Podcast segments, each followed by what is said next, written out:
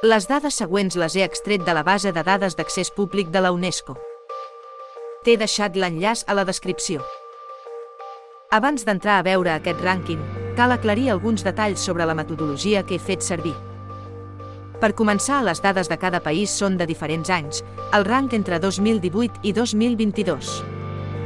A més, com he vist que hi pot haver variacions del 5 al 10% d'un any per al següent, el que he fet ha estat treballar amb la mitjana de les dues darreres dades de cada país. D'aquesta manera surt un valor més estable i més comparable.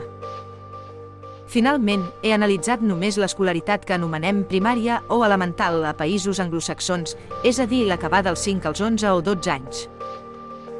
Per cert, per analitzar la ràtio de professors per alumnes, és més comú en la literatura pedagògica fer servir la mètrica de X alumnes per cada mestre. L'ideal és que per cada mestre hi hagi menys alumnes assignats. Tot i això, he preferit treballar amb la mètrica inversa. X mestres per cada X alumnes. Perquè així més sigui millor. És a dir, més mestres per alumne és una mica millor. I així els països més amunt en aquesta mètrica tenen un sistema educatiu més robust. És clar, òbviament hi ha altres elements, però almenys en aquest assumpte més és millor. El llegeixo el top 20 de major a menor i després ho comentem. Kuwait, Grècia, Noruega, Cuba, Polònia, Hongria, Suïssa, Dinamarca, Geòrgia, Àustria, Bèlgica, Costa Rica, Estònia, Itàlia, Uruguai, Letònia, Països Baixos, Oman, Xipre, Dominica i Bulgària. No t'ha sorprès que Kuwait estigués a dalt de tot? Ni més ni menys que 123 mestres per cada 1.000 estudiants.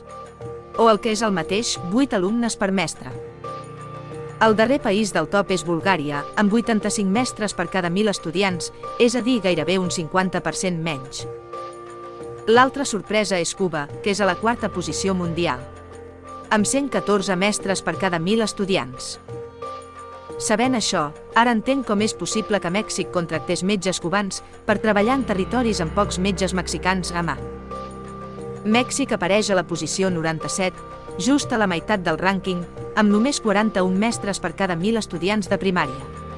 Això és gairebé la tercera part que Cuba.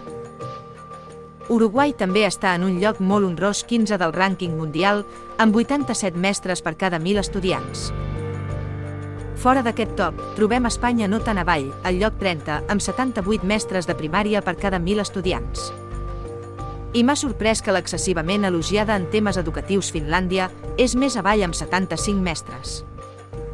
I els Estats Units d'Amèrica apareixen una mica més avall, al lloc 43 amb 69 mestres. El més trist, com sempre, és que sota el rànquing mundial majoritàriament trobem països africans. Els cinc darrers són de major a menor.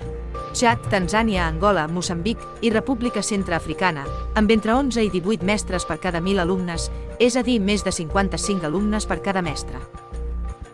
I dic trist perquè entre l'últim i Kuwait hi ha 10 vegades menys mestres de diferència i sempre són països africans els que queden a la part inferior dels rànquings de desenvolupament.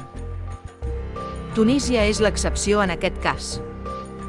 Està a la posició 55, per sobre de Xile, França i Regne Unit. Espero que aquest episodi t'hagi agradat més. Amb diferència és el que més temps m'ha portat per preparar-ho. He hagut de recollir i processar dades de dues taules de la UNESCO. Probablement faré un segon episodi, analitzant aquestes mateixes dades per continent. Datòfils. Busquem, analitzem i compartim dades.